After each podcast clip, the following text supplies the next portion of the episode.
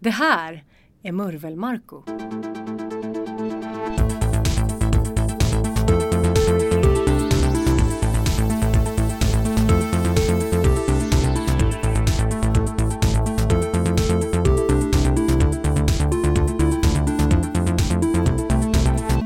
Välkommen tillbaka till ännu ett avsnitt i journalistikens spännande världar som Murvel Marko ger dig en inblick i. Marco Sävele heter jag och arbetar till vardags på TT Nyhetsbyrån som videojournalist. Genom åren har jag fått många samtal och mejl från trevliga kvinnor. Ja, för det har nästan uteslutande varit kvinnor. Alltså de som jobbar på skivbolag eller de som är pressansvariga för artister. Promoter-tjejerna är sympatiska och svåra att säga nej till när de vill att vi ska skriva om just deras fantastiskt spännande artist. Men dagens gäst har man fått vända på steken till. Inte för att hon är otrevlig. Absolut inte. Tvärtom, en av de trevligaste och mest respekterade i branschen. Det visar min gallupundersökning bland kollegorna. Men det Sandra Nordin hade genom åren var att hon jobbade åt stora artister som Kent, The Ark och Robin. Då var det istället vi som ringde insmickrande eller mejlade henne bönandes om förfrågningar om intervjuer. Och Sandra, numera marknads och kommunikationschef på live och eventföretaget Blixten Company.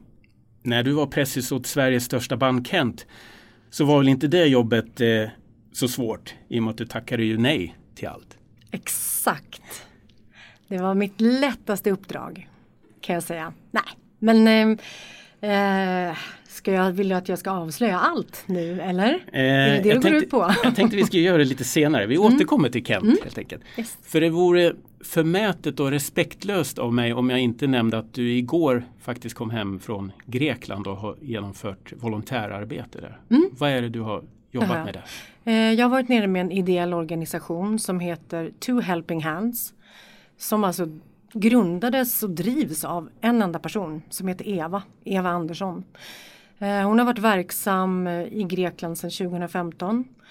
Hon jobbade på Migrationsverket och eh, då när det kom människor på flykt till henne, sökte asyl, så bestämde hon sig för att men jag tar tjänstledigt och åker ner och tittar vad det är som händer där nere. Och sen så vet ju, ja du vet ju om, det startade en så kallad flyktingkris 2015 och hon har fortsatt att arbeta där nere. För att hjälpa människor på flykt för att systemet funkar inte som det ska. Så folk har det förjävligt skulle jag vilja säga. Så det jag gjorde nu var att följa med henne till Aten och till Lesbos.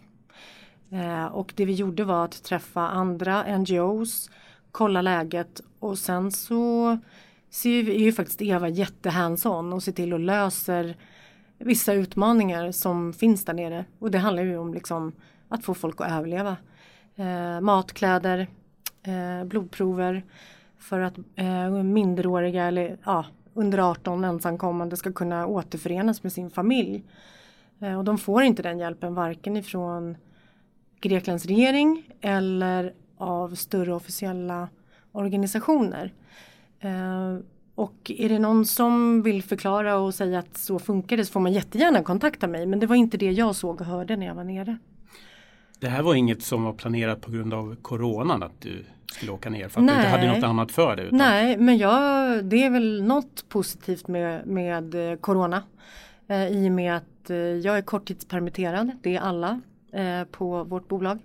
Blixten Company, eh, vilket gör att eh, vi jobbar 20 procent. Så helt plötsligt så kunde jag ta den här möjligheten att följa med henne ner. Det bestämdes på jättekort varsel. Men det är ungefär så som det skedde första gången jag åkte ner också.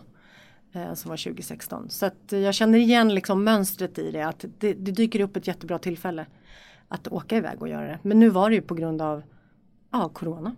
Mm. Absolut hade en inverkan i att jag kunde åka. Det känns som coronan har tagit bort allt fokus kring den flyktingproblematik som fortfarande finns kvar där. För mm. det är mm. massor med människor kvar i flykt. Ja, som absolut. är strandade där. Ja absolut, jag menar det är inte bara i Grekland men, men eh, Grekland ligger mig varmt om hjärtat och även då Eva eftersom hon har varit verksam där hela tiden sedan hon kom dit 2015. Eh, och det är väl mm, jag kan inte, jag kan liksom inte ta gift på den här siffran. Eh, eftersom alla inte heller registrerade. Men man räknar med att det kanske är 150-180 000 flyktingar som alltså är fast i Grekland på fastlandet, på öarna och så. Mm. Uh, och det är, ett, eh, det är en jätteutmaning liksom, där nere. Och det här med att uh, media inte rapporterar därifrån. Det slutade man ju egentligen med ja, 2018. Alltså, det är ju snart två år sedan som man inte nästan har hört ett ljud eller, eller knivslagsmål i Moria kamp. Liksom. Det är det, men jag önskar ju att man ska kunna liksom gräva djupare i varför, varför det ser ut så här. Eh, vad händer med det EU-bidrag som kommer till det landet? Eh, är det så att Grekland behöver liksom resa flagg och säga så här nej men vi trodde vi skulle klara av det men vi gör inte det. Um, Eva, jag ska, jag ska inte tala för Eva men jag har lärt mig så himla mycket av henne. Uh, för hon är extremt kunnig uh, och har ju även erfarenhet av en asylprocess eftersom hon har jobbat på Migrationsverket tidigare. Um, och uh, ja, en, en, eh, jag menar hon, hon förespråkar verkligen för att man ska öppna gränserna igen. Eh, det handlar ju om att, att försöka öppna gränserna, låta folk resa dit de ska och göra en, alltså en, en ordentlig asylprocess och utvärdera om de har rätt till det eller inte. Eh, det handlar inte om att man ska bara öppna gränserna och så ska alla bara få resa runt fritt. Det är inte det det handlar om. Men det handlar om att behandla människor värdigt. Mm. Eh, helt enkelt. Men nu under coronatider så har de ju fått ytterligare ett hinder på vägen då de möter ett, ett ja. covid-19 stängt Europa. Absolut. Eh, ja, men fast de får ju inte resa någonstans. De sitter ju fast i Grekland. Så tar de sig därifrån utan att ha fått asyl då, då gör de, alltså de har ju inga ID-handlingar eller någonting. Så i så fall så eh, flyr de ju igen eller skaffar sig en tillfällig identitet. Liksom. Så det är ju det, det, det blir det är en jätte, jättekomplex situation. Liksom. Jag, jag är fortfarande snurrig, jag förstår fortfarande inte allting och jag kan Det är svårt att hacka i mig och jag fattar ju att det är på så hög politisk nivå. Så att det vi gjorde och det andra ideella organisationer gör för liksom, när det rullar där nere, det är konstgjord andning. För att det kommer inte hålla hur länge som helst, folk kommer inte orka hur länge som helst. Eh, för det här är ju pengar som du och jag donerar till de här organisationerna. Eh, och hur länge håller det? Jag vet inte. Det som gör en kris eller en human katastrof så påtaglig. Det är ofta små saker. Mm. Jag har hört de som har besökt koncentrationsläget Auschwitz mm. och först när de är där och ser högen av skor som är efterlämnade mm. av alla offer, då blir det liksom påtagligt. Mm. Och jag såg en bild som du la ut på sociala medier också av ett berg bestående av flytvästar mm. och punkterade gummibåtar som, som migranter har lämnat efter sig. Mm. Det var också väldigt påtagligt. Var det så för dig också? Ja, det var det. Um, för det här eh, eh, flytvästkyrkogården som den kallas för. Eh, den har ju upprättats för att liksom ha ett minne men där det som har hänt nu, det har varit ännu större. Men det man gör nu är att man dumpar sopor och allt möjligt där bara för att det ska liksom sjunka ner för att man anser att det är en skamfläck eller man vill bara glömma. Liksom. Och det tycker jag är läskigt. Men det var enormt påtagligt att stå där för det, när jag har sett det på bild så har jag inte liksom fattat hur stort det är. Och det är inte alla flytvästar. Nej. Men det såg stort ut ja, på bild vill Men du påpeka. tyckte det också? Ja, ja men okej. Okay. Men jag tyckte, eh, jag hade liksom, jag hade tänkt att det skulle vara ännu större. Men jag förstår ju också att det har det har liksom sjunkit undan lite och det har blekts och allt sådär. Men, ja, men det, var, det var enormt starkt att vara där. Mm. Det, det var fruktansvärt. Det här är inte första resan du gör ner dit. Eh, Nej. Vad, vad ger det dig? Eh, det ger mig kunskap. Eh, det ger mig kraft till att väcka mig själv och det jag har insett nu det är att så här, jag vill försöka skapa opinion liksom, och medvetenhet kring det här. Men det är skitsvårt. Media vill inte skriva om det. Ni vill inte skriva om nej. det. TT vill inte skriva om det. Nej men det, det men, men, eh, nej, men svar, alltså Eh, jag, jag, jag vet inte varför man inte vill skriva om det för det är ju fortfarande väldigt, det ligger ju väldigt nära. Och det är ju liksom EU, det är inte så att det är Bangladesh liksom. Um, ja, ja, you tell me. Jag har ingen aning. Du kan fråga din chefredaktör eller något. Jag tror just nu så är det ju bara coronafokus på allting mm. vi gör. Liksom. Det jag förstår men det även, finns ju, det mm. pågår, det, där nere så är det ju väldigt få fall och de är ju stenhårda med för det kommer ju fortfarande flyktingar liksom både landsvägen och via vattnet och så. Och då försätts de i två veckors karantän. Kolla på de förhållandena liksom. Det är inte så att de åker in på hotell direkt liksom. Uh, och så att det finns ju liksom, det, det, är ju rädsla för corona där också. Och de är jätterestriktiva. Men även alltså själva området, det här extra området som har vuxit upp kring Moria. Eh, alltså där, det sitter ju frivilliga organisationer och eh, tvingar folk att tvätta händerna flera gånger om, alltså när de går omkring. I området så finns det liksom eh, tvål och vatten. Man hade även förberett ett helt område där man skulle kunna ta in eh, 180 ja, ungefär personer eh, som var liksom coronasäkrat. Så att de skulle ha liksom goda förutsättningar att ha det bra när de kom dit och det är läkarvård och allt sånt där. Men de har inte behövt använda det. För hittills har det ju, jag, jag vet inte hur många fall det har varit på Lesbos om det ens har varit ett enda nu. De har ju haft ganska låga antal i Grekland också. Mm. Eh, ett väldigt beundransvärt eh, arbete du gör. Va, Tack. Vad va gör du mer fysiskt på plats? Då? Vad, vad gör äh, till exempel i Aten så då gick vi och handlade blöjor och mat äh, till familjer alltså som går till ett ställe som heter Hope Café. Eh, och får liksom en, en ranson mat på en vecka därför att de inte har några pengar. De har kanske inte fått eh, tillgång till mm, ja, det här är jag kan sitta och prata om det här hur länge som helst och eh, jag vågar inte liksom gå igång för det är extremt mycket information men det är ju det. De, de, innan de får ett kort som då fylls med pengar som är ja, som ett socialbidrag till exempel. Eh, så det kan ta väldigt lång tid och då har de ju liksom varken tak över huvudet, de har ingen mat. Eh, och det är jätte, jätte, jättemycket barn. Alltså det har, det har ju fötts extremt mycket barn de här eh, åren. Liksom. Så att ehm, ja, det är många familjer som får hjälp där. Och då är det hands-on att gå och handla då eh, förnödenheter till det. Eh, det kan vara att gå och handla kläder. Det kan vara att betala eh, för ett antal blodprov då. Eh, Eva häromdagen eh, får ett samtal och det är så här, vi måste få iväg ett enda blodprov till Aten. Det ska till ett postkontor i hamnen Eh, och eh, det kostar 17 euro att få iväg det.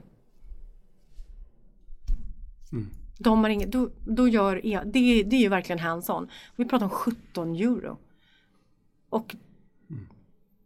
de pengarna finns inte liksom. Vad, men vad är alla pengar? Det är ju min, det är min, mm. det är min fråga. Mm. Så. Men, eh, men verkligen, jag vill aldrig ta åt mig äran för någon, någonting i att jag åker iväg. Eh, utan jag bara försöker tänka så här att fan skulle jag själv vilja ha det? Om det skulle hända mig. Men det är ju så fjärran. Det är ju, människor kan ju inte tänka, vi kan ju inte tänka så. Eh, så det är en liten påminnelse till mig själv. Eh, att försöka bibehålla någon form av ödmjukhet och att inte döma andra. Eh, lite så. Du kom hem igår. Hur, ja. hur har du landat i, i den stockholmska verkligheten igen? Jag har inte gjort det ännu. Jag känner, jag är fortfarande sorgsen. Ehm, och eh, jag tänker väldigt mycket liksom, och försöker organisera mig för jag vill jättegärna åka tillbaka såklart. Ehm, ganska snart. Ehm, och jag tror att det handlar om att jag har ett behov av att se Sker det några förändringar? Är det någonting jag kan liksom visa mina vänner i mina sociala kanaler att så här, jo men det sker förändringar, det sker förbättringar eller blir det bara sämre och sämre hela tiden. Så att det, jag har väl kanske ett behov av att berätta och att visa att det fortfarande pågår. För jag tycker att det är en skam. Mm. Faktiskt. Att det, behöver, att, det var, att det är så här 2020. Jag tänkte så här, jag har inte sagt välkommen hit förresten.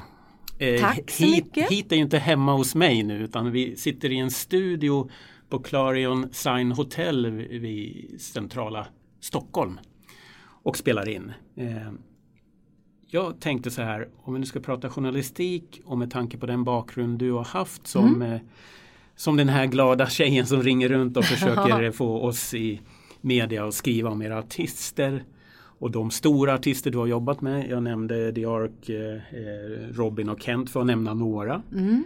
För det första, varför tror du att det är mest eh, kvinnor, nästan uteslutande som jag sa i introt här, som jobbar med just den biten, PR-biten? Det är en bra fråga, för det har jag alltid undrat också. Um, men jag tänker att... Nej, jag vet fan inte. Jag, jag vet faktiskt inte Nej. varför det är så. Men däremot så har jag haft en tanke kring varför det har varit så få som kanske har gått vidare till marknadschef eller till vd och så. Och det tror jag handlar om att det sitter män på vissa positioner. Eh, och, det, och, det, här har förändrats, observera. Det har det, det, vet jag och jag har pratat med vissa andra manliga vds och sådär. Där det tyvärr är så att vissa tjejer har tackat nej till vissa liksom, högre positioner. Eh, och då måste man ju jobba på det. Mm. Det är ju ett annat problem. Men, ehm, eh, men jag vet också att det finns ju exempel då det har varit att eh, man inte har lyft sig. Man har liksom snarare gått på så här, nej men jag går på eh, hitta på ett namn. Jag går, jag, vi, vi sätter Kalle där därför att jag känner Kalle. Inte, inte kanske bästa kompetensen men det är enklare för att man känner någon. kanske. Men, eh, men jag, jag, jag vet faktiskt inte varför det har varit så. Å andra sidan, de ni vänder er mot är ju mest män också. Alltså de musikskribenter mm. och, ja. och vi i media. Mm. Alltså nöjesmedia. Ja. Faktiskt. Mm. Och varför är det så? Ja. Kan man ju fråga kan sig. Kan man också fråga sig. Mm. Nej men det vet jag. Det, vet, ja, det är många gånger som eh, eh jag har ställt frågan att så här, kan inte skicka en tjej? Men har ingen tjej som skriver. Uh, så det finns det åt båda hållen. Ja. Eh, vi var ju inne på det hur coronan har påverkat. Du pratade om att du var eh, korttidspermitterad. Mm, precis. Hur har det här slagit er verksamhet på Blixten och Kompan? Jättehårt såklart. Eh, I och med att det förbud som kom eh, det är ju verkligen ett förbud och som fortfarande kvarstår. Eh, så vi kan ju inte liksom, vi, vi kan ju inte genomföra vissa konserter, alltså man kan inte, mm, det är inte lönsamt att sälja 50 biljetter kanske till en produktion som kostar jättemycket att sätta upp. Så, så att, eh, men det har påverkat oss jättemycket. Vi har, förutom att alla är korttidspermitterade, så fick även åtta personer sluta innan sommaren. Eh, och det är ju skittråkigt. Men eh, det är arbetsbrist. Har det till och med hotat företagets existens? Har det varit så illa? Nej, inte, inte så. Nej. Tack och lov. Men det kan ju inte fortgå hur länge som helst utan då kommer vi ju behöva göra förändringar igen. Det är i min hjärna enkel matematik. Liksom. Noll pengar in och en massa fasta kostnader. Där liksom, det är det, lön och eh, kontor, det är det som är fasta kostnader. Och det är det enda som man kan förändra nu. Har ni som andra aktörer tittat på digitala lösningar? Alltså digitala konserter? Och Absolut, men det är ju fortfarande hur ska det finansieras? Exakt. Eh, det kostar ju fortfarande pengar. Liksom. Och jag tror inte att jag tror inte att en, eh, en konsert på nätet förstör för en liveverksamhet när det sätter igång. Det är bara det att det kostar pengar och, det, och, det, det ja, och då är man inne i så här, vem ska betala det? Och vi har ju gjort digitala sändningar. Alltså, med partners och så. Så absolut. Men det är, det är ju ingen, eh, det är inte det som kommer få oss att liksom eh, kunna fortsätta leva bara på det såklart. Hur länge kan ni hålla ut tror du? Vet inte. Jag kan inte svara på det för jag, jag vet inte. Men eh, vi hoppas ju att det ska sätta igång nu efter sommaren. Alltså en, att man har en horisont om att det börjar ske konserter kanske efter årsskiftet. För vissa saker det liksom tar ju lång, det är inte så att vi kan kicka igång vår verksamhet och imorgon har vi en turné som börjar. Utan det handlar ju om planering och nu har vi, alltså, det, och det är inte bara vi, det finns ju många aktörer där ute som hade planerade konserter och turnéer hela sommaren, hela hösten som har liksom skjutits till nästa år. Så det är inte så att det ligger och skvalpar en massa datum där som bara hej, här är det fritt hur mycket du vill utan det kommer ju bli ett det, var, det har varit ett pussel och det kommer bli ett ännu mer pussel när det väl liksom, när förbudet eh, vad säger man? När, för, när det inte är förbud längre. Liksom. Ja, när, när restriktionerna hävs. Ja, ja men precis. Uh, ja, så det, det ska bli spännande att och, se var vi befinner oss i slutet av augusti. Vad har vi missat från er sida? Vad, vad var era stora grejer som skulle ha skett turnémässigt? Och, och ja men det var ju Uggla, Miss Li och Petter. Just det. Skulle ju varit ute. Uh, Weeping Willows skulle göra några gig. Um, vad var det mer? Ja men alltså vi har ju alla de här New Kid Rain. Alltså som är liksom som håller på att bubbla och växa och Monica Mac. Alla de hade extremt mycket spelningar inbokade. Det, det är förödande för dem också. Jag hade Dogge som gäst i förra avsnittet. Ja. Han berättade om två veckor i april då telefonen ständigt ringde honom och avbokade ja, olika event. Jag lyssnade faktiskt på det avsnittet ja. så jag hörde det och jag, jag kände så med honom verkligen ja. då. Och hans kalender blev ren fram till 15 augusti eller ja. sånt där, helt plötsligt mm. på två veckor. Liksom. Mm. Så fort kan det gå. Mm. Uh, och uh, Ja, det, det är liksom tufft och det är inte bara artisten i sig utan det påverkar ju oftast en hel produktion i form av ljudtekniker, ljustekniker, eh, det är roddare, det är musiker. För mm. alla är inte ett eget band och så. Mm. Så det, ja. Det har ju varit en häftig debatt ja. om det statliga krisstödet ja. som gått till artister som eh, Benjamin Ingrosso, Petter och Jill Johnson som har fått mm. trots sina kanske miljoner i företaget så har de fått 50 000 kronor som stöd under coronakrisen. Eh, vad tycker du om det? Uh, alltså det är, det är två olika bidrag vad jag förstått. Alltså det finns ju, det, man har ju kunnat söka alla möjliga bidrag. Uh, men men jag anser att så här, om man måste också se skillnad på omsättning och vinst i ett bolag. Eh, så det kan vi börja med. Och sen så tycker jag att så här, det är väl allas fulla rätt att ansöka om ett bidrag om det nu eh, uppstår ett krisbidrag. Det är min fasta åsikt. Eh, sen om det finns några andra moraliska aspekter i att säga, ja men de, de har så mycket pengar i sitt bolag okej, okay, gå in och granska bolaget först. Sen kan du börja gidra. Eh, och jag tycker att man har rätt att söka ett bidrag och jag tror att alla sökte alla bidrag man bara kunde. Det här är en unik situation som vi befinner oss i. Vi vet inte. Alltså vi, vi har ju ingen aning om eh, vad är det för bidrag, vad är det inte för bidrag, vem får det? Och jag tycker att så här, det är väl inte artisternas fel om de blir beviljade ett bidrag och vissa andra blir det inte. Alltså ansvaret ligger ju inte, tycker jag, på den artist som har ansökt och fått ett bidrag. Och om man inte jag menar jag har ingen aning om vad alla ska använda bidraget till. Jag tänker att de använder det ut efter eh, sitt sunda förnuft. Liksom. Eh, och 50 000 i ett bidrag jämfört med om du skulle kanske ha varit ute en hel sommar. Eh, det är inte speciellt mycket pengar. Men jag tycker så här, håll inte på och skuldbelägg artisterna eh, som försöker överleva och blanda ihop det med någon form av omsättning på 86 miljoner och allt vad det har stått. Liksom. Mm. Eh, och jag vet att många som har fått vissa av de här bidragen har ju lämnat tillbaka dem. Liksom. Så är det ju. Mm. Det ska vi korrigera. Eh, mm. Ja, eh, eller valt att eh, ge det till sina musiker och sen så vill media alltid få det framstå som om att det var eh, efter påringning av oss. Och man är så här, ja men tro det då. Jo, men liksom... någonstans där måste det ha bottnat ändå för det har ju utåt signalerat, signalerat som att eh, de utnyttjar systemet. Så Det är ju de signaler det sänder när det väl står i media. Ja, ja absolut, mm. verkligen. Och det är ju, men, men, ja, men jag tänker att så här eh, Eftersom det, det har varit lite olika bidrag eh, så, och jag vet också att vissa av artisterna var så här ja men man kan söka det bidraget, det bidraget, kanske inte riktigt vet alltid vad alla bidrag innebär. Eh, men det, återigen så, så tycker jag att så här, eh, alla, kan, alla kan söka. Eh, det finns en instans som bestämmer vem som ska få det. Gå på dem istället och kolla vad det är för kriterier.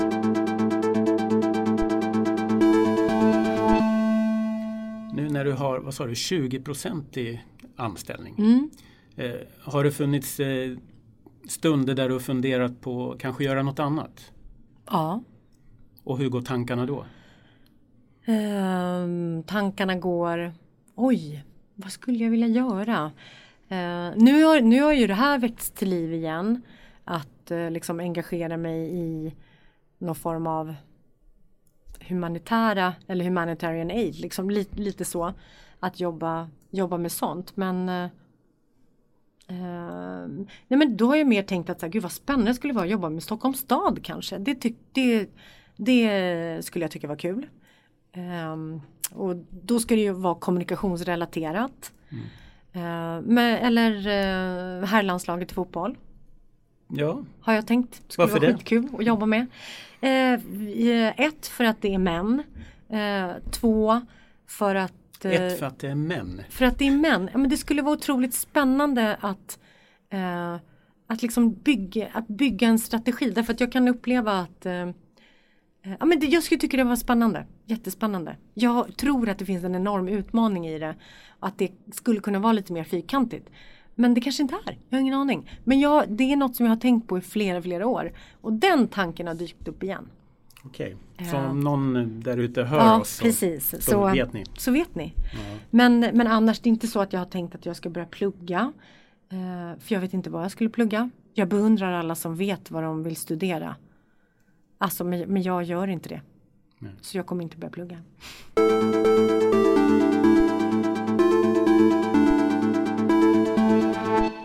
Kent skulle ju ha fyllt 30 år i år som band. Ja. Om det skulle ha skett. Mm. Kommer de återförenas? Hoppas jag verkligen inte. Varför inte det? Nej. Nej. Nej, va varför? Det är många som vill se det. Det förstår jag men, eh, men eh, har man tagit ett beslut att sluta så kan man väl stå fast vid det tänker jag. Du tror inte att det kommer ske helt enkelt? Nej, det tror jag inte. Varför är du så fast övertygad om det? Man har ju sett det i så många, många återföreningar som ja, kommer trots att de säger att det är sista. Vet, ja. Jag vet, men i det här fallet så, eh, så hoppas jag att de vidstår eh, sitt beslut. Och jag tror att de kommer göra det. Mm. Men om de skulle ja. återuppstå, återförenas, mm. ja. då är väl dig de, de, den första de ringer? Eh, det, kanske det, men jag kommer inte göra det. Varför inte det? Nej, nej, jag vill, nej. Jag tyckte vi gjorde det vackraste avslutet någonsin. Eh, med det. Så att, eh, nej, fan vad tråkigt det skulle kännas. Det skulle kännas så okentigt.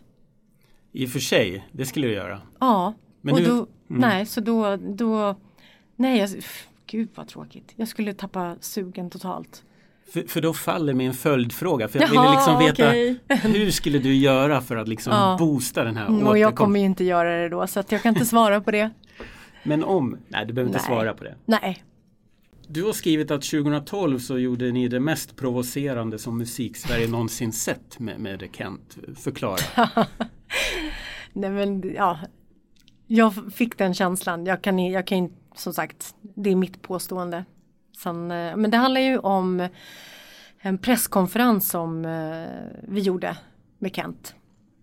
Eh, och eh, ja, Mediasverige blev skitsura. Eh, för vi höll det som en öppen presskonferens så att även liksom fans eh, fick ställa. Alltså Kent har ju alltid varit, eh, de var ju extremt aktiva med sin hemsida redan från början och hade ju ett forum där där de pratade, liksom de var inne och var väldigt aktiva och pratade med sina fans i ett tidigt skede. Eh, och det är därför de har, har haft så lojala fans tror jag som har följt med hela tiden och, och att det har kunnat växa som det har gjort. Men eh, och då finns det ju lite olika fanzines eller du vet fråge eh, forum i det här forumet då. Så då var det så här, men även de är välkomna såklart. Men, eh, men det, var, det var väldigt provocerande för att media tyckte att eh, man ville gärna ha sin egen intervju, man ville ha sin egen kommentar och, och sådär. Så fungerar ju vi i media. Eh, Vi ja. vill gärna ha den här egna intervjun, ställa egna frågor men jag förstår ju att det blir ju samma frågor som ställs om och om igen Ja. och man ska sitta där en eller två intervjudagar och, och att- gäspar till slut. Så att alternativet var ju att inte eh, göra någonting alls. Eller hålla den här presskonferensen. Och det är ju det som är roligt med Kent. De har ju alltid, de, de tycker ju att det är, de har ju skitmycket humor. Eh, och sen så är det ju det att de har ju haft liksom en unik position vilket gör att eh, att göra en sån här grej är extremt lyxigt. Liksom. För att där stod ju allihopa och det var livesänt därifrån. Och genomslaget var ju enormt. Med tanke på att det var liksom ett tillfälle. Och det känns ju väldigt kentigt just det där att sticka ut också. Vara lite pretto och göra en grej för pressen samlat. Sådär. Mm. Men det är din åsikt, pretto. Ja, men det är ju den Mm, nästan den- Mm. gängse bilden i media. Det känns, det känns som just då så var det liksom kulmen på Kent-eran där vi liksom har strött palmblad och lagt ut dem på Kents framgångsväg och sen liksom så svängde det någonstans och blev lite Kent mot oss journalister. Och, och ärligt talat, de, de, visst, om jag hårdrar det, visst hatade Kent oss journalister. De Och ogillade ni, oss. Ni önskar, men ogill, det handlade ju inte om det. Eh, att ogilla, det var, det var väl mycket handlar väl om också precis som du säger att alla ställ, ställer samma frågor. Och när det är någon som har blivit pappa eh, så, så frågar de hur det är att vara pappa. Mitt i alltihopa. Eh, och tråkigt och sen så man får inte glömma heller att de för dem var ju fansen viktigast. Alltid. Och fansen nådde de ju ändå. De nådde sina fans via sin egen hemsida, via forumet. Eh, sen när liksom sociala medier kom igång ordentligt och så nådde man sina fans där också. Så eh, ja, jag tänker det, det är snarare det. Liksom. Eh, att kan man nå sina fans och inte behöver det här eh, liksom, hjälpen via media då kanske man väljer det. Man har lyxen att göra det menar du? Verkligen lyxen att göra det. Mm. Eh, För är du ny och oetablerad då måste du verkligen Måste gå ha- hand i hand med. Jag vet och det här är ju Det här tycker jag är den största utmaningen liksom för att eh, Alla media Ni vill ju ha de största För ni vill ha klicken, ni vill ha läsarna Ehm, mm, ja och jag förstår det ehm, Vilket gör att Det är ju skitsvårt att komma med en debutant till media och säga så här, mm, den här är talangfull, det här är det. Eftersom det ser ut som det gör nu också med eh, att en del då har sina starka egna kanaler så är ju ni tvåa på bollen ibland. Vilket gör att de här nya liksom debutanterna som när jag började på 90-talet då, då ville man ju skriva om allt. Då var det ju liksom jättemycket fokus på musiken och så är det ju inte längre. Så det är ju svårare att komma, liksom bryta igenom med en debutant. Absolut, mediemässigt. Om du tar lite tempen på eh, musik-Sverige när det gäller bevakningen av den. Hur tycker du att det är? Du, du jämförde nyss med 90-talet. Mm. Jag kan ju säga för egen del så har ju TT Nyhetsbyrån dragit ner väldigt på så kallade Mm. vanliga eh, skivaktuella intervjuer. Mm. Eh, det har ju nästan försvunnit. Det finns ju inte speciellt mycket musikmedia heller i Sverige. Eh, det finns ju inga musikmagasin liksom förutom liksom Gaffa. Och sen så är det lifestyle-magasin liksom. Men då, då blir det ju mer fokus på kanske mode och lite sånt också. Så pratar man om att det kommer en ny skiva mitt i alltihopa. Men eh, jag tänker att det är helt beroende på vilken artist det är. Eh, vad man behöver synas och höras. Eh, Det finns liksom ingen, i min värld så finns det ingen så här, ja men så tar vi mall A och så går den och appellerar på alla artister. Det, det funkar ju inte så liksom.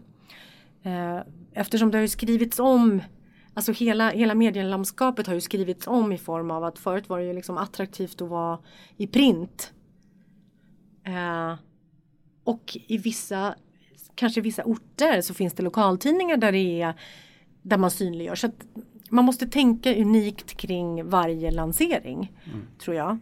Men ehm, Ja, jag Och- tycker att det är tråkigt rent, alltså eftersom när det kommer till musik så det har det blivit tråkigare. Ja, det har gått eh, lång tid sedan ni postade fysiska CD-skivor och eh, skickade ut i hela media-Sverige. Men till- jag skickade ju till och med ut kassetter när jag började jobba. Oj, Ja. det var way back. Det var, ja, alltså 94 när jag började jobba på Sony. Då hade vi liksom ett kassettdäck på, vi kopierade 10 åt gången och då gick det ut liksom till månadspress. Så gammal är jag. Ja. Mm. Om vi återgår till, till eh, snabbt bara till Kent. Jag inledde ju med att fråga att det måste varit det lättaste jobbet i och med att du tackade nej till allt. Mm. Eh, var det så? Mm, ja, alltså jag menar vi la ju upp tankar och planer och sen så förändrades ju vissa saker tills den dagen man skulle liksom lansera. Så det, ibland så kunde vi ju sitta och prata om att så här, ja men om vi ska, ja men bara en, okej en enda intervju då. Vad ska det vara liksom? Uh, men, men, men på slutet så var det ju, alltså de sista åren, de sista plattorna och så, så då var det nästan självklart att de inte skulle göra något. Liksom så. Men var det så att de hade ångest över det mötet eller var det bara att de Nej. var trött på det? Ja, det var nog mer bara att, men vi gjorde ju andra saker. Alltså vi la ju upp andra strategier istället. Att pumpa ut saker i egna kanaler som media hakar på. Så då, det är klart att vi var ju inte, vi var ju inte helt bakom flötet. Alltså det är väl klart att vi såg att det fanns en styrka i att ha egna kanalerna så vi visste att media följde. Och inte behöva göra en intervju. Vad är det mest spektakulära PR-mässigt du har gjort med artister? Skulle du säga? Mm, jag vet inte, jag är ganska basic så. Så att jag, det finns, nej jag vet inte. Du är inte nytänkande menar du? Eller? Jag tycker jag är nytänkande hela tiden men jag tror, inte, jag tror inte att det behöver vara att man ska slå kullerbytta på svampen bara för att göra en bra grej liksom. Utan jag tror att det handlar om att så här, ha förståelse för fansen. Eh, hur man ska kommunicera, alltså kommunicera, paketera. Och sen så något som jag har lärt mig liksom de senaste tio åren det är ju att det finns extremt mycket siffror, statistik, man kan titta på beteende hos konsumenten, hos fansen och allt möjligt. Och någonstans eh, förstå att så här, du, kan inte, du kan inte kasta på ett fan vilken bullshit som helst. Liksom, utan du behöver vara trovärdig. Men, eh, men mest spektakulära, jag, jag vet inte, jag bara gör tror jag. Jag kollade med en kvällstidningskollega och eh, hen nämnde, jag vet inte om du stod bakom den kampanjen. Eh, det kom upp några svartklädda bodyguards med en enorm bergsprängare till Expressen Fredags redaktion. Och centralredaktionen blev vansinnig, skriver hen. Mm. Jag, vet, jag vet faktiskt vem, jag vet vem hen är tänker jag. Ja, ja, Så här tänker ja. jag. Nej, eh, det, här, det här var Helen McLaughlin kan jag säga när vi jobbade på Sony. Eh, det var en låt som hette Man in Black. Eh, som skulle släppas. Vi tyckte det var hilarious. Och det roliga är ju att jo, de blir skitsura men vi har ju bilder på när de sitter och asgarvar. Eh, så vi vet inte hur, eh, hur arga de var egentligen. Eh, de kanske kände sig korkade för att de hade släppt in dem. Men hur det var tänkte ni- spektakulärt. Ja, hur tänkte ni där då? Men alltså kom igen, det här, vad var det här? 95, 96? Det är skitlänge sedan. Jag menar nu skulle vi ju aldrig kunna komma upp på en redaktion. Eller det stängdes väl för 15 år sedan. Men du måste vara anmäld och visa lägg och blåsa och allt möjligt. Men, men, eh, nej men det var bara en idé som dök upp hos Helen. Och vi gjorde det bara. Det var ju Men in Black. Låten hette ju Men in Black. Det var jätteenkelt. Pantomimgubbar går upp och dansar.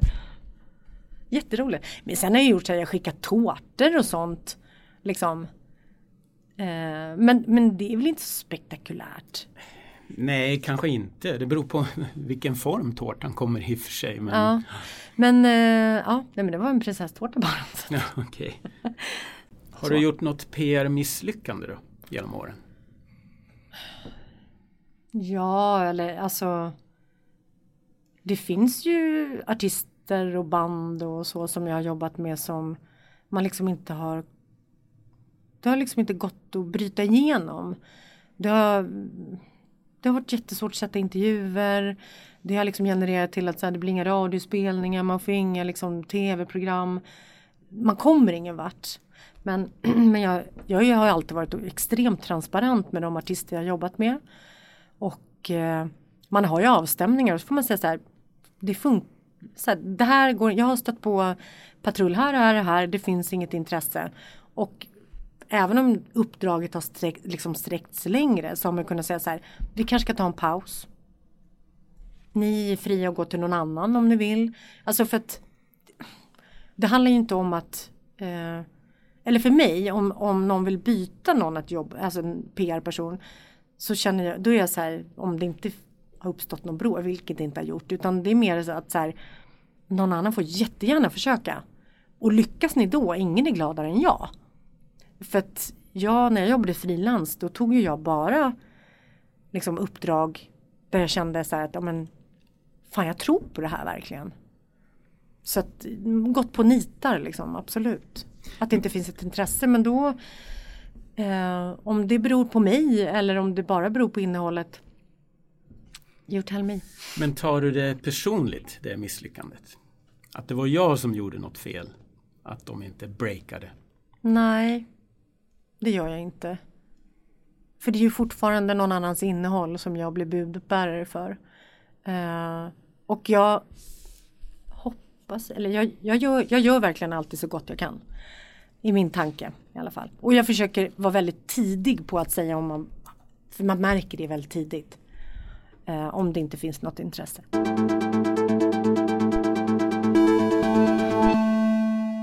Har du någon gång blivit orimligt arg på en journalist?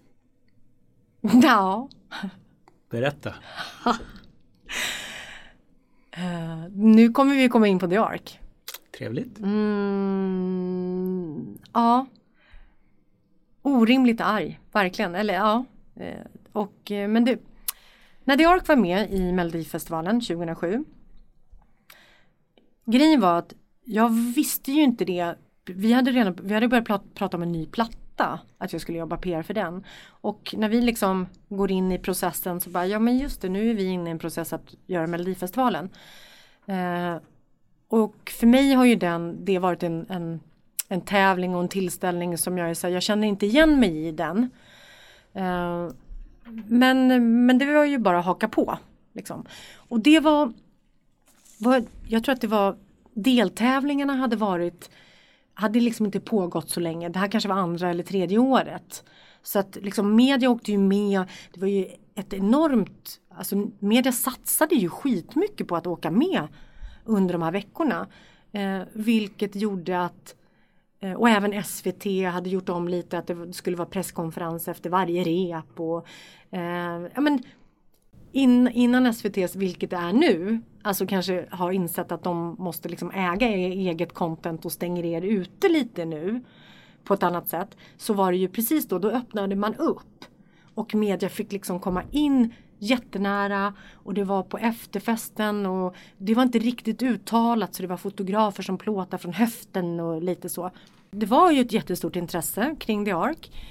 Eh, och och det var liksom två, tre stycken från varje Ja men även TT hade ju flera stycken och kvällstidningarna och så.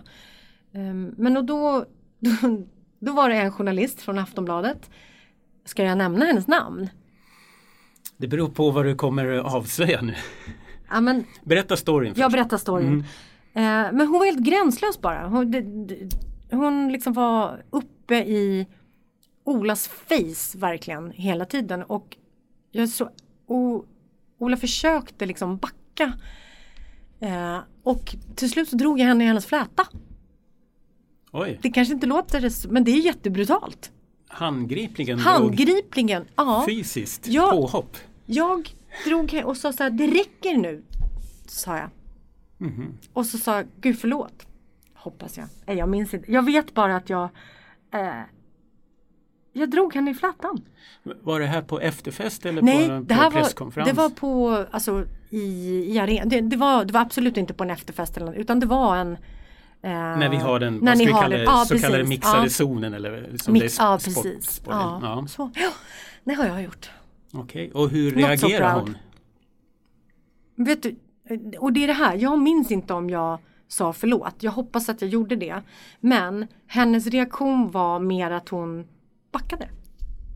Okay. Hon sa inget, alltså det var inte så här, vad fan gör du? Rycker du mig i håret? Mm. Hon kanske kände att hon hade varit lite mycket. Mm. Men, men det, det är det, jag skäms över det. Men jag tänker att det är preskriberat va? Nej, inte riktigt va? 2007 var det här. Oh, nej, nej det, inte Vi riktigt. har det bandat nu så att du ligger risigt till. Mm, ja. Hur ser du på det nu så här i efterhand? Det är klart att jag inte skulle göra det nu. Mm. Alltså Verkligen inte. Bara ta, nej gud nej usch, nej jag skäms. Uh, så hemskt. Nej men det, det var det jag gjorde. Men det, och, jag menar Ola skrattar ju jättemycket om det. Han kan ju säga det fortfarande ibland om jag träffar dem. Kommer du ihåg när du räck i håret? så det blev en intern grej ja. mellan dig och The Ark? Ja. Mm. ja roligt. Varsågod. Roligt faktiskt. Varsågod. Det var så roligt när vi skulle göra en videopuff, eller jag bad dig göra en videopuff mm. i sociala medier och mm. Eh, jag la till i manus då att du skulle säga något som du bävade inför. Mm. Och då nämnde du The Ark. Mm. Var det med tanke på just den här incidenten då eller var det? Ja, nej men på hela, det, för det var ju, mm. det var ju hysteriskt. Och jag tänker, det, alltså det, är ju, det, prä, det har ju präglat mig liksom och, och väldigt mycket. Uh, I någon form av liksom eh, krishantering. Eh, jag lärde mig jättemycket utav det men jag lärde mig också att här, jag ska inte göra det för jag tycker inte att det blir kul när det är den här jakten på rubriker, det är ett spel, det är flera olika journalister från samma tidning som försöker skapa intriger. Eh, jag hade inte upplevt det tidigare så jag tyckte inte att det var så kul. Faktiskt. Och jag tänker att så här, eh, du själv var ju med jag var med då. Väldigt mycket. Och jag minns liksom. särskilt den här båtresan. Alltså ni ja. bokade plats på en Finlandsbåt. Jag tror ja. att det var Viking Lines, inte den allra flottaste, Rosella eller vad den heter, lite Nej. sunkiga. Mm. Och där mm. åkte The Ark tillsammans med samlade pressen mm. och kanske ett fåtal passagerare. Det kändes väldigt öde på mm. båten. Det var en bisarr situation mm. där vi satt och det var jättetråkigt på, på eh, vad ska vi kalla det, den underhållningsdelen eller krogen. Där satt The Ark på ett ställe och vi satt på ett annat och bara bevakade varandra hela mm, tiden. Ja. Och det hände ingenting och vi gick till våra hytter. Ja. ja. Och det här, för jag, jag minns inte riktigt nu varför vi åkte båt. Men det var ju inget så här, och ett PR-trick eller något utan det var ju det var väl i samråd med SVT och det var enkelt och grejen är att de skulle ju få över en massa backline för de gjorde ju en, en egen spelning där också. Uh, så det var väl lite den logistiken men men sen tror jag också att SVT tyckte nog att det var väldigt kul att kunna åka liksom båt över till en Eurovision-final och så. Mm. Men jag tror inte att det blev så bra utfall utav det direkt. Det gav ju några bra bilder. Vi var ju uppe på kommandodäck och, och jo, Ola men... tog över och styrde ja. och sådär. Och vi fick några fina bilder med skär, skärgården i, i mm. bakgrunden mm. och säkert bra rubriker också. Ja. Här åker The Ark, ja. Finlandsbåten till, till Eurovision. Ja. Men det kan jag säga, det var inget så här, åh, något planerat PR-trick eller någonting sånt. Uh, utan jag, jag kommer ihåg, det var bara ångest. Tycker mm. jag. Mm. jag tycker det var, ja det var väldigt roligt kan jag säga som var journalist då och följa med. Eh, jag tror vi alla röks med över att vi hade sådana förhoppningar. Ja, liksom, verkligen. Ett av Sveriges bästa band ja. ställer upp i Eurovision. Mm. Och så gick det som det gick. Mm, verkligen. Ja. Vi hamnade på 18 plats med The Worrying ja, Kind. Precis. Hur var känslan då direkt när, när ni förstod att det var 18 plats och du var tvungen att ta ut dem och möta pressen? Som hade haft mm, de här mm. förväntningarna. Mm. Ja men alltså självklart, jag menar det är väl bara Du minns väl hur Alltså Ola var inte särskilt glad nej, när han kom ut. Han nej. Var inte all, nej han var inte alls glad, verkligen. Och det Ja, men det är väl klart att de var ledsna. De kände väl också att det fanns en, en press på att leverera. Och, eh, men det är ju ut, det var ju utanför deras kontroll men det är inget som det är, väl, det är väl ingenting Ola vill höra att men det var utan din kontroll. Han bara japp, då är allt bra. Utan det är väl klart att det fanns liksom prestations äh, ångest i det och att så här, fan det gick inte mer. Men det var också väldigt tydligt att se hur liksom Eurovision ja, men hur det ser ut och hur det är med röstning och allt möjligt. Alltså, mm men, men då inför mötet med svenska pressen var det så att du fick knuffa ut Ola och, och kommentera? Fanns det Nej, inte, Fanns det något tvång i det momentet? Nej, inte tvång men det var ju också det som jag tyckte var jobbigt att liksom se det var ju hur hur alla var liksom eftersom Ola var liksom frontmannen så blev det ju väldigt mycket fokus på honom såklart. Mm. Eh, det är helt naturligt, det är inget konstigt i det. Men också i det här gränslösa med att så, trycka upp kameror i näsan. Och det, eh, jag tror att liksom hela, hela situationen i att han, eh, han var besviken eh, media vill ha mycket. Det blir liksom en jättekonstig krock och det blir väldigt hetsig stämning. Liksom. Den tyckte jag var, jag tyckte det var eh, obehagligt. Jag, jag, jag blev jätteledsen för hans skull och jag vet ju också då att han liksom till slut så var det bara så här, men vi, vi bara går, det finns liksom ingenting, ingenting mer att säga. Eh, och ändå vill media ha mer. Men det fanns inget så här att tvinga ut honom, han fattar ju exakt vad som väntar. Liksom. Mm. Det kändes lite som det där var kniven i ryggen på The Ark som, som band. Någonstans där började det dö ut. Tror du det? Jag vet inte. Tänker du som, ba alltså som att, att, att, bestämma sig för att sluta ja. eller så? Ja. Kanske. Jag, jag, vet faktiskt inte. Jag har ingen aning. Jag fick ju det, det skedde ju några år senare liksom. Men det kanske det var. Lite roligt för att The Ark skulle ju återförenas den här sommaren. Ja, exakt. Skulle vara ute och turnera nu. Ja. Jag vet inte, Helsingborg eller någonstans hade mm. de stått på scenen. Mm. För att knyta ihop säcken lite grann. Mm. Verkligen. Mm. Vi ska väl också nämna att The Ark gjorde en fantastisk klubbspelning under den Eurovision-veckan. Mm. En av de bästa jag har sett eh, och ligger på min 10 topplista. Det var mm. en magisk konsert. Ja, Hur minns det. du den? Jag minns det. Alltså, jag får nästan rysvarning för jag, jag har eh, tittat på filmerna ganska nyligen. Eh, och lagt ut i en liksom, Facebookgrupp. Eh, men eh, alltså, jo men det var, det var magiskt. Ja. Eh, alltså bandet var så taggade eh, och de hade ju sina nya låtar. Liksom, de var i sin, på sin rätta plats. Mm. Liksom. Eh, och, nej, men det, var, nej, det var magiskt, det var kul. Det var skitkul.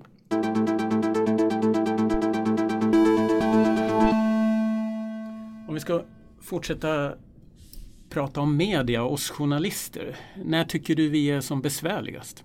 Jag tycker inte att ni är besvärliga därför att jag, det är ju, vi lever ju i någon form av symbios. Liksom. Vi behöver ju varandra till och från. Jag tänker ju alltid att ni gör ert jobb även om jag kan tycka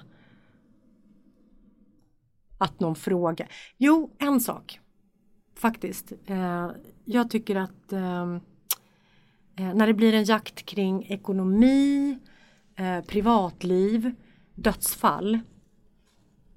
Då tycker jag att, att media är skitjobbiga därför att då, då är det ju en rundringning utav bara helskotta. Man försöker liksom lokalisera varenda person som man kan relatera till den det rör. Um, men då tycker jag att det kan bli gränslöst ibland. Men eh, jag kan ju oftast väldigt lätt svara på att så här, eh, antingen att säga ja jag ska försöka få tag på personen i fråga, artisten i fråga. Eller, eller så kanske vi redan har en överenskommelse, jag och artisten, att jag är ledsen, jag jobbar inte med artistens privata frågor. Du får jaga i himlen om du vill. Alltså, eh, men det, det, de, då tycker jag att det är jobbigt och tråkigt. Jag har ju haft en PR-kvinna här, Lilja Sefa som mm. du säkert känner. Mm. Hon har ju lite ansett som krishanteringens drottning. Mm. Hur hanterar du sådana kriser som går ut i media? Uh, jag är jättebra på att hantera kriser. Uh, allting handlar ju om att se uh, problemet och göra liksom en snabb bedömning av okej, okay, hur ska vi hantera det här? Därför att media kommer alltid att plocka upp det. Liksom, man ska ju inte tro att, oh, nej, nu sopar vi det här under mattan. Liksom, det, det finns ju inte. Uh, och det som jag har blivit bättre och bättre på, det är också att så här, bara för att det ringer en journalist och säger så här, ja ah, nu är det här och här hänt, vad, vad, säger, vad har ni för uttalande kring det? Jag har inget just nu men jag ber att få återkomma. Det är min fulla rätt. Eh, att säga det bara för att i väldigt många fall så kan det ju vara det att det har blivit ett polisiärt ärende. Vi får inte uttala oss om det. Eh, det, kan, men det, det är så helt beroende på vad det är för krissituation. Liksom. Eh, och att gärna, och det kan ju vara så att det går jättefort. Eh, en sak går jättefort så att man vill hinna gå tillbaka. Man behöver en kvart, 20 minuter på att faktiskt gå igenom så här, vad är det som har hänt. För att kunna göra ett korrekt uttalande.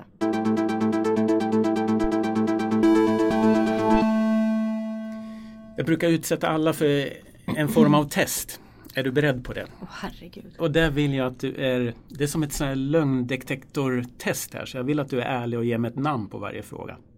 Är du med? Kör. Vem är Sveriges bästa musikjournalist? Fy fan vad jobbigt. Ett namn. Anna Björk.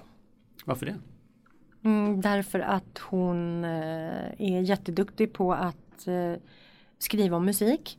Eh, jag tycker att hon inte fick det utrymmet som hon förtjänade för, eh, redan för tio år sedan kanske. Eh, men jag tycker att hon, för hon är intresserad och kunnig. Roligt att du valde en kvinna i den här mansdominerade mm. musikbevakningsvärlden. Ja. Vem är Sveriges sämsta och mest överskattade journalist? Kom igen nu. Oh, shit. Oh, vad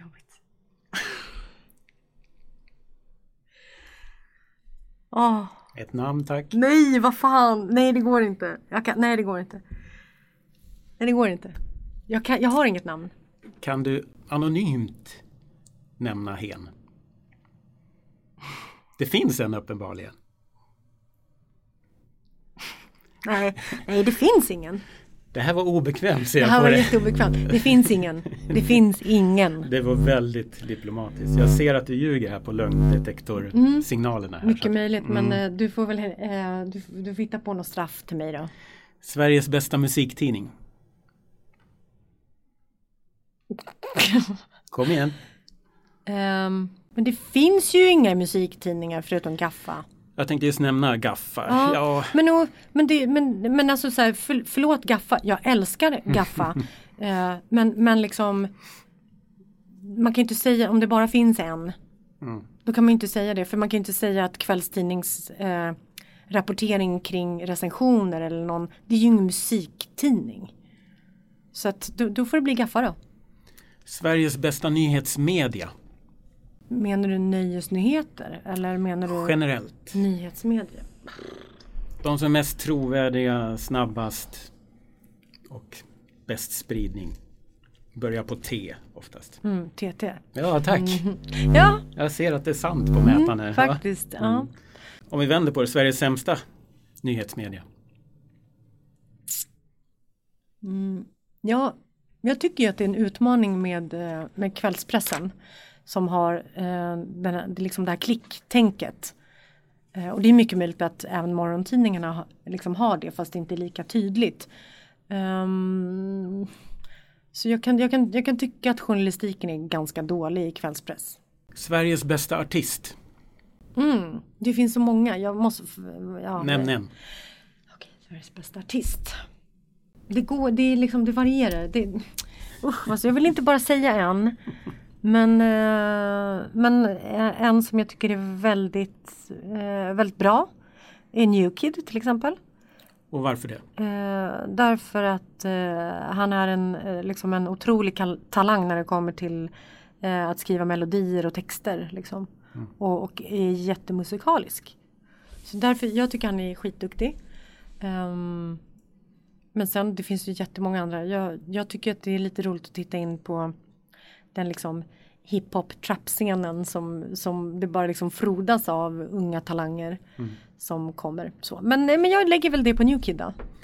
Och han kan breaka stort, han ska vara med i Så mycket bättre. Just det, det ska mm. han. Där många har fått ett steg vidare ja, i sin karriär. Hoppas att han är den som får blomma ut ja, lite där. För visst är det alltid en nykomling Ja men det brukar liksom ju vara det, eller hur? Mm. Ja.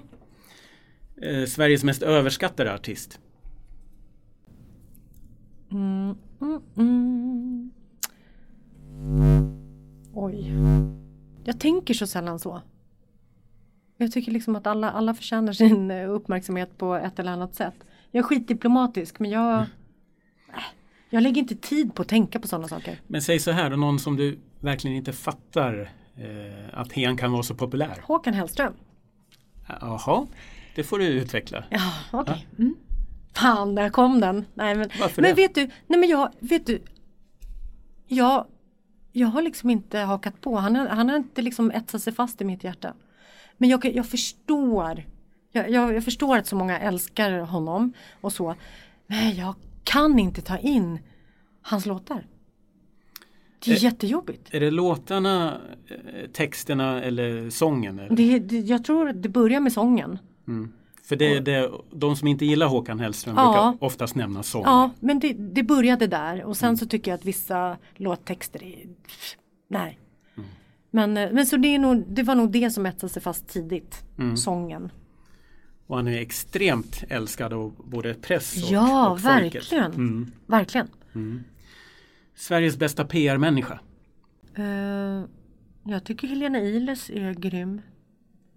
Uh, Iles PR. Uh, men sen, det finns jättemånga, jättemånga bra. Jag menar Fanny PR. Lilly är jätteduktig. Alltså så alla är... Mm. Men du nämnde det, Helena först. Mm. Ja, ja, det gjorde jag. Mm. Jag tycker om eh, det, det de väljer att jobba med. Mm. För att jag tycker att det är genomgående känns genuint. Uh, och att de verkligen brinner för det som de jobbar för. Mest överskattade PR-människa? Nej, det finns ingen. Jag, har ing jag, jag tänker inte på någon. Det kanske ska vara jag då. Tror jag inte. Som jag sa när jag gjorde en gallupundersökning så är du väldigt respekterad. Folk tycker att du är proffsig och eh, de respekterar dig. De hör dig och det blir ett bra samspel. Mm, det är, det, det, det är jättefint att höra för det mm. är ju ändå det som, som jag sa tidigare, vi lever ju i en symbios liksom. Mm. Och att det, du frågade förut så här, om jag hade tagit det personligt när det inte gick bra eller så här, skulle jag göra det så kanske jag inte skulle jobba med det här. Um, och, och jag tror ju på att, man, att vi behöver varandra och sen så kan det bara vara olika uppfattning om uh, vilka val det blir, liksom vad innehållet blir.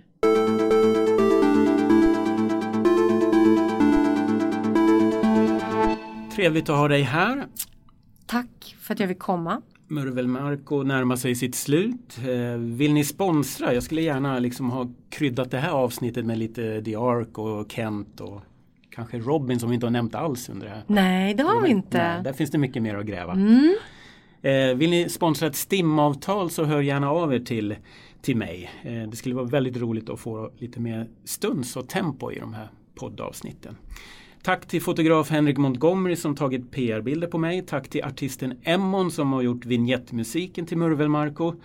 Och nästa gäst är faktiskt Emma Nylén, kvinnan bakom syntartisten Emmon.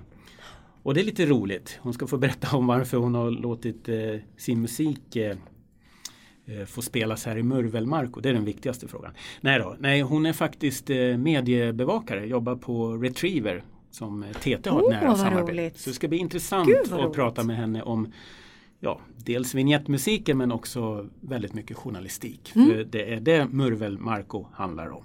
Tack och hej då! Hej då!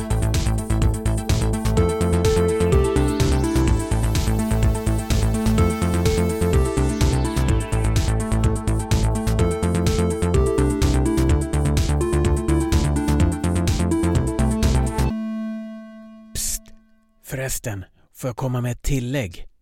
Hårklyveri kanske ni tycker nu? Jo, den utpekade journalisten som Sandra ska ha dragit i håret kontaktade jag efter poddinspelningen. Hon kommer med hårresande uppgifter. Hon minns inte ens incidenten, vill inte medverka i podden och säger att Sandra kan ha misstagit henne för någon annan. Så var det med det.